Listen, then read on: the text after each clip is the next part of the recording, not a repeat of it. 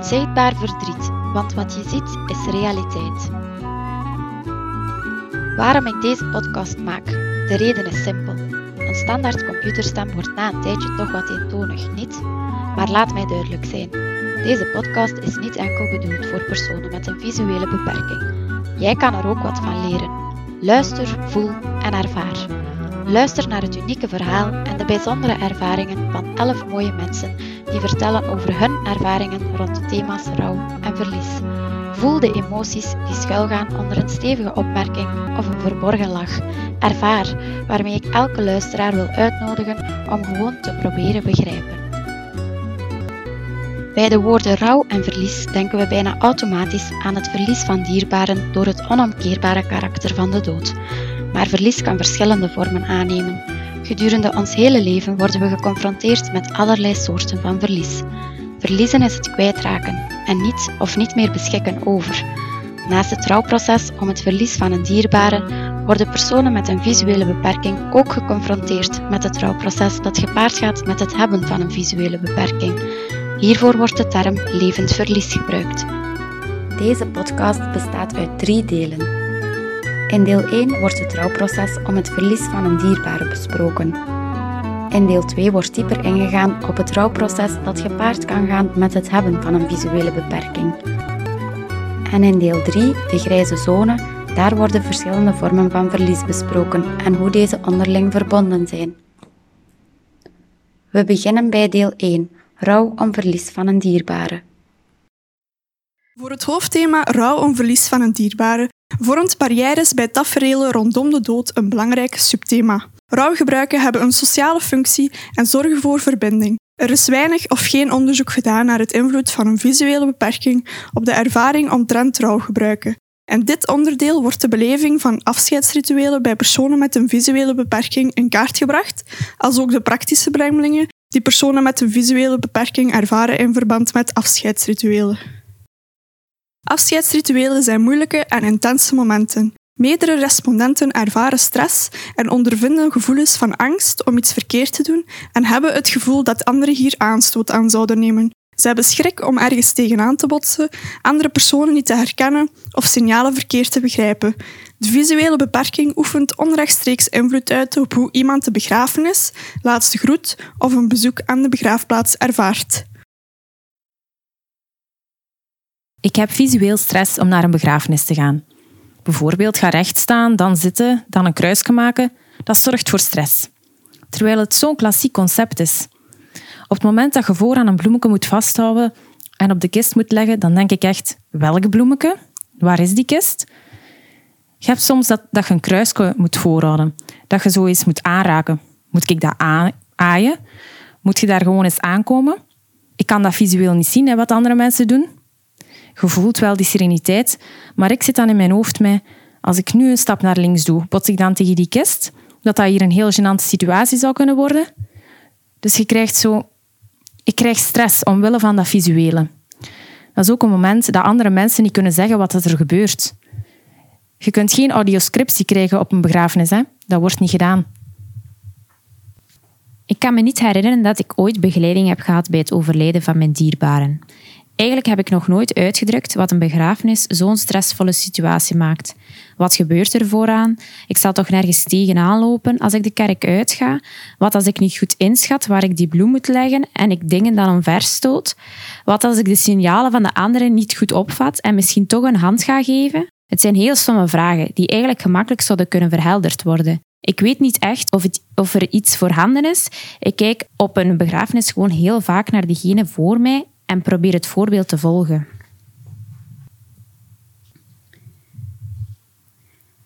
Ik heb er ook problemen mee om personen te herkennen op een begrafenis. Dan vraag ik aan mijn man of kinderen van, wie was dat? Of het is ook al gebeurd dat ik totaal iemand anders in gedachten had. Ik heb daar geen stress meer voor. Zover ben ik wel al. Ik had dat op de begrafenis van mijn schoonvader. Ze komen daar allemaal handen schudden en je staat daar statisch handjes te schudden, maar eigenlijk weet je van 10% aan wie dat je een hand gegeven hebt en wie je steun betuigd heeft.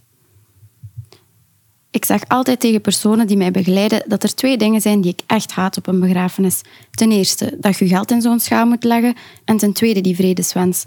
dan moet je iedereen rondom u een hand geven en je weet begot niet wie er jou een hand gegeven heeft.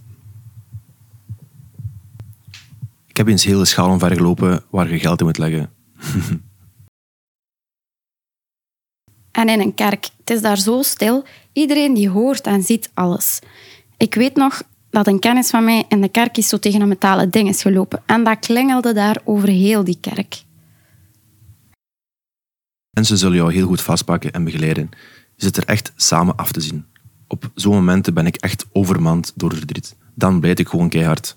Ik denk van, ik zal er wel naar voren geraken, maar dan moeten ze mij echt wel naar voren trekken. Geef de verdriet gewoon even een plaats en andere mensen zullen wel leiden. Die moeten ook weten dat je niet ziet, denk ik dan. De afwezigheid van het visuele aspect zorgt ervoor dat respondenten het gevoel hebben dat een verbeelding niet altijd overeenstemt met de realiteit. Afhankelijk van de ernst van de visuele beperking heeft niet iedereen de mogelijkheid om de overledene een laatste groet te brengen en hierdoor de werkelijkheid van het verlies te plaatsen. Verder ervaart een deel van de respondenten een kloof tussen eigen mogelijkheden en de verwachtingen vanuit de maatschappij. Begrafenisrituelen verlopen traditioneel volgens vaste waarden en normen. En daar wordt maar heel zelden van afgeweken. De aanpassingen die nodig zijn om een persoon met een visuele beperking een gelijkaardige ervaring te laten beleven als anderen, zijn nog niet ingeburgerd in onze samenleving. En zo bij het groeten, ik zou wel graag een woordje uitleg hebben. Dat ik weet, mijn familielid heeft dit of dat aan, het gezicht ligt aan de linkse kant van het bed. Allee, dat zijn zo gênante details volgens mij. Een begrafenisondernemer die ook wel aanvoelt dat het gepast is dat hij een woordje uitleg geeft. Ja, dat gaat ook wel heel pijnlijk zijn. Als je hoort dat de ogen gesloten zijn, of weet ik veel. Maar ja, doordat ik nu enkel een beeld in mijn hoofd heb, heb ik het gevoel dat het beeld dat je daarover hebt niet altijd overeenstemt met de realiteit. En zo rond het groeten. Mijn opa is thuis overleden en ik had op voorhand gezegd dat ik er nog zou willen langs gaan. En in mijn geval zou dat betekenen dat ik nog eens zou willen voelen. Maar op het moment dat het zover was, heb ik het niet gedaan. Ik heb daar nog steeds geen spijt van. Maar ook daar zitten we weer met het ding dat je normaal niet zomaar aan iemand komt, denk ik. Terwijl als je het visueel niet ziet, dan kun je even goed aan een bakkerstoog staan. Die dingen vind ik confronterend, omdat het bepaalde rituelen zijn die eigenlijk aan u voorbij gaan. Het pasgeboren kindje van mijn zus is gestorven. We gingen samen met de zussen kijken. Iedereen zei dat hij eruit zag alsof hij ieder moment zou ontwaken. Dat was een pasgeboren baby. Maar ja, ik heb hem van ver gezien en in mijn ogen leek hij een babypopje. Maar als je dichterbij gaat kijken, dan zie je zijn gelaat. Hè. Dan zie je hoe hij er echt uitziet. Die dingen heb ik allemaal niet gezien. Ik vraag het mij nog steeds af. Op een bepaald moment dacht ik, dacht ik van, ik zou precies wel van dichterbij willen gaan kijken. Ik vond dat op dat moment niet echt gepast. Het was al zo'n moeilijke situatie, iedereen stond daar te wenen. Dus ik vond dat echt niet respectvol tegenover mijn zus en mijn schoonbroer. In de kerk bijvoorbeeld, als je dan naar een begrafenis gaat, krijg je zo'n bidprentje. Dat is het eerste dat ik eigenlijk zou willen. Dat is lezen wat er op dat kaartje staat of die foto eens bekijken. Iedere keer voel ik wel van oké, ik ben hier op een begrafenis van een bepaalde persoon, maar het op het moment dat ik dat bidprentje in mijn handen zit, voel ik ook wel altijd even de confrontatie. Dat is moeilijk. Naast de impact die een visuele beperking heeft op de beleving van rouwrituelen, geeft een deel van de respondenten aan praktische belemmeringen te ondervinden omtrent rouwgebruiken. Doordat sommige respondenten een beperkte mobiliteit hebben, voelt men zich afhankelijk van zowel de naaste omgeving als het openbaar vervoer om zich te verplaatsen naar een begrafenis, begraafplaats of laatste groet. Zoals naar het kerkhof gaan, bij Marcel. We zijn daar nog niet geraakt, hè? Allee, ik denk gewoon dat wij daar niet zouden geraken je botst soms wel op struikelblokken. Ik kan me voorstellen dat ehm, voor andere mensen soms wel moeilijk is. Dat je moet vragen aan iemand om samen naar het kerkhof te gaan, want je bent er al kwetsbaar. En dan moet je toegeven dat je op die plek jouw plaats nog eens verdriet wilt geven. Maar dat je er zelf niet naartoe gaat. Ik heb dat niet. Ik voel me daar niet tand bij of zo. Ik heb geaccepteerd dat een deel is van blind zijn. Ik moet altijd samen gaan. Of nu naar een begrafenis, het groeten of naar een kerkhof is. Ik heb altijd begeleiding nodig. Hè. Het is vaak dat praktische. De bus mag nog stoppen dicht bij een begraafplaats. Je vindt de plek gewoon weg niet, hè? Want een graf, dat roept niet, hè? Een rouwproces kan niet beschreven worden volgens vaste normen. Er bestaat geen eenduidig antwoord op de vraag of een rouwproces anders is bij personen met een visuele beperking. Wat wel opvallend is, is dat personen met een visuele beperking geconfronteerd worden met diverse barrières. De verschillende ervaringen omtrent rouw- en verlieservaringen duiden nogmaals op het feit dat een rouwproces steeds een uniek karakter heeft. Rond trouwen en afscheid nemen denk ik dat het feit dat wij visueel totaal niet kunnen inschatten hoe goed of hoe slecht dat iemand eruit ziet, ook wel invloed uitoefent. Waarmee dat ik bedoel dat wanneer iemand op zijn sterfbed ligt of aan het aftakelen is, dan hebben wij die visuele input niet. En ja, dat is dan misschien ook een confronterende vraag als je die moet stellen aan je familie. Hoe ziet die persoon er nu uit? Ja, het uiterlijk geeft misschien niet per se een indicatie van hoe ver die persoon staat, maar ik denk wel dat het misschien het aanvoelen beïnvloedt. Het kan uw mindset wat bijstellen in de realistische zin. Tegenwoordig kan je zorg echt afkopen. Maar dat is ook de reden dat ik nu zelfstandig woon. Ik heb het altijd in mijn hoofd gehad uh, dat heel vroeg is gekomen. Ik dacht altijd van, mijn mama gaat op een dag dood en als hij doodgaat, wil ik niet in een gat vallen. Amai, ik ben er zo afhankelijk van. Dat wou ik echt niet. Dat is nu ook thuis het grootste gevecht geweest. Ik ben er nu nog, was telkens antwoord dat ik van mijn mama kreeg. Maar dan zei ik, maar ik gaat het niet altijd zijn. En dan kreeg ik een heel gekwetste mama natuurlijk. Hè. Er ligt altijd een laag bovenop dat rouwproces, die het ergens op een of andere manier zwaarder maakt, omdat je nog altijd met die bijkomende gevolgen van die beperking geconfronteerd wordt. Dat je daardoor niet alleen rouwt, maar dat ook dat levend verlies van je beperking voor een stukje terugkomt. Ik herinner mij een moment waarop ik bij mijn opa was. En we gaven elkaar een hand. En dat doet heel veel. Maar eigenlijk wist ik totaal niet hoe dat hij er fysiek uitzag of hoe hij veranderd was. Ik heb ook geen beeld van de goede tijd, maar bij, gevolg dus ook geen beeld van het einde. Ik merk ook, we zijn een jaar verder nadat Marcel overleden is. En op die vrijdag vorig jaar ben ik op weekend vertrokken en ik was met de kindjes waar ik mee op kamp ben gegaan aan een zwembad toen ik telefoon kreeg dat Marcel daadwerkelijk overleden was. En ik dacht dan, eigenlijk zou ik nog eens tot aan het zwembad willen gaan, ja.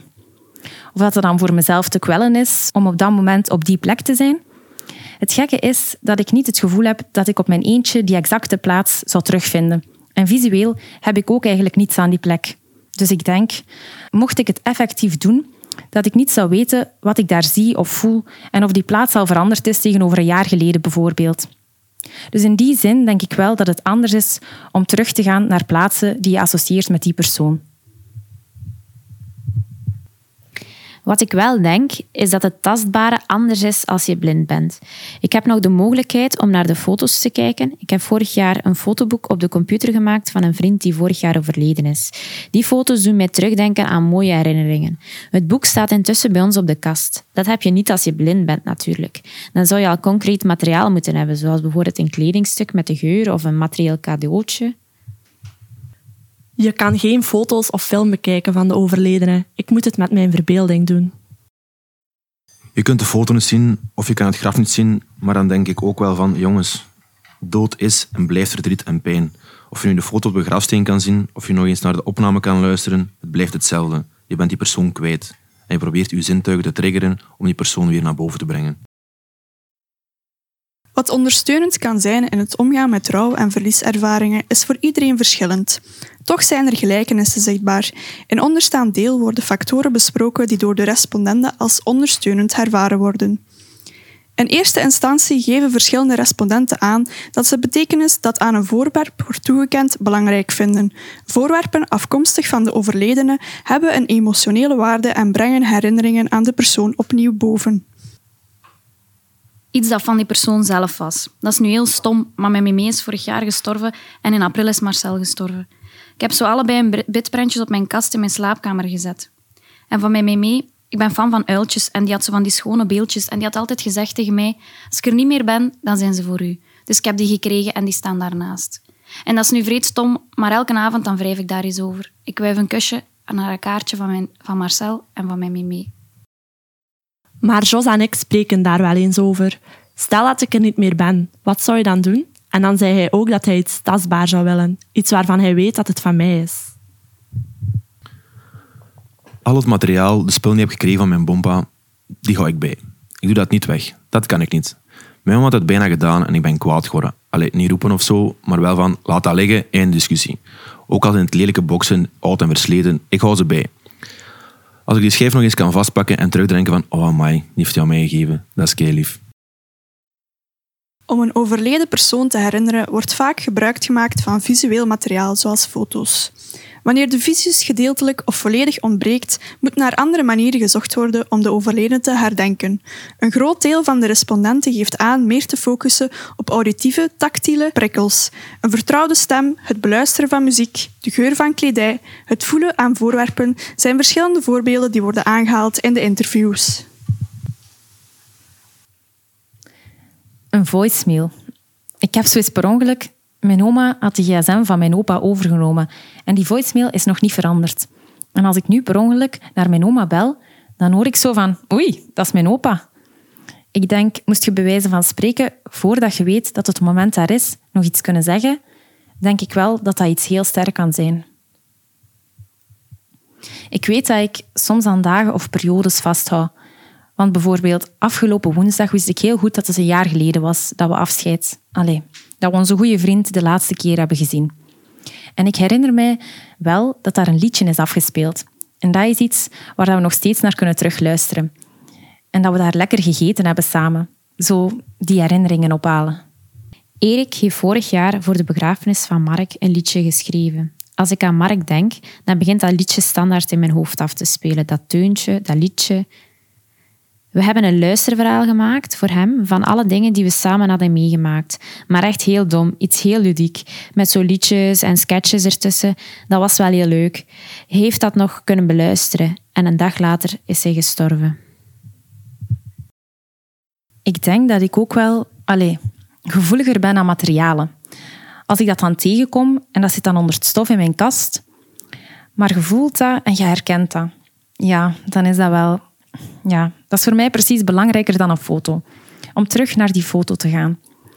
Om dan nu te gaan analyseren of mat papier of blinkend papier nu het beste is. Ik denk niet dat dat het punt is. Want de ene slechtziende heeft het ene graag en de andere slechtziende heeft het andere graag. Dat is het ding niet echt. Maar ik denk iets voelen, ruiken, horen, dat wel. Zo naar een herinnering of een bepaalde associatie met die persoon teruggeflitst worden. Dat kan ook wel door een liedje op de radio te horen, een geur van parfum of een bepaalde situatie die terug in uw herinnering komt. De dag dat een vriendin het niet zou gehaald hebben door die operaties, hè, oh, ik zou daar zo spijt van gehad hebben dat ik het nog niet heb gedaan. Ik heb al gedacht om aan mijn, al mijn familie en kameraden te vragen om een quote op te zoeken. Een quote waar voor hen waarheid in zit. En of ze die dan eens willen zeggen in mijn dingske, uh, mijn recordertje als een ander een foto heeft, dat ik dan weet dat iemand zijn of haar spreuk heeft ingesproken en dat hij dat zelf gezegd heeft. Een stem is zoiets vertrouwd, je herkent dat meteen. En voor mij persoonlijk, ik zou iets willen hebben dat zijn geur meedraagt. Een ongewassen t-shirt of zo.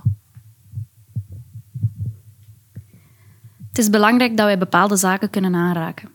Een sterkte is misschien dat wij sommige dingen beter aanvoelen omdat wij ons richten op andere zaken, zoals geluiden en een intonatie van een stem. Beste vriend en ik hebben een playlist gemaakt op Spotify en daar staan veel dieptreurige nummers in, op veel diepe nummers en die gaan over verlies. Er wordt stevast van uitgegaan dat rouw altijd gepaard gaat met het uiten van en praten over emoties. Rouwen moet niet altijd gepaard gaan met uiterlijke emoties. Het is opvallend dat een groot deel van de respondenten aangeeft wel de behoefte te voelen om openlijk te mogen praten over hun emoties. Gewoon lange gesprekken voeren. Ik analyseer veel. Ik denk veel na. En ik heb nood om mezelf te kunnen uiten. Ik vind het ook helemaal geen probleem om naar andere mensen te kunnen luisteren. Een verlies komt voor mij maar terug tot leven wanneer je met een vriend of een bekende persoon erover kan praten door het ophalen van anekdotes of verhalen. Dat hoeft daarom niet de exacte waarheid of gebeurtenis te zijn. Alleen moet het mooi zijn en dient de overledene in het middelpunt van de belangstelling te staan. Want mijn vriend beweert dat de waarheid niet de moeite is om naar te luisteren. Als ik voel, hier is geen klimaat om dat te vertellen, dan ga ik dat ook niet doen. En het kan soms jaren later pas uitkomen. En dan vind je het plots wel iemand waar je de waarde tegen kan vertellen. Oh, vrij mogen en kunnen praten, zowel met lotgenoten als niet-lotgenoten, en zowel over het verlies van mijn dochter als over het verlies van mijn visuele beperking. Ik moet buiten kunnen zijn, Maar ik moet het kunnen vertellen. Voor mij is vertellen al een deel van verwerken. Maar ook dat ik het kan toelaten dat ik mij niet goed voel, dat ik niet goed in mijn vel zit en dat ik verdriet heb. Dat ik gewoon kan wenen, dat ik het niet inhoud. Ja, rouwen is voor iedereen verschillend. Binnen ons gezin gaan we er allemaal op een verschillende manier mee om. Wat we wel allemaal hetzelfde doen, is over onze dochter zus praten. Jana is er niet meer, maar mijn man en ik blijven ouders van twee dochters. Onze dochter blijft grote zus.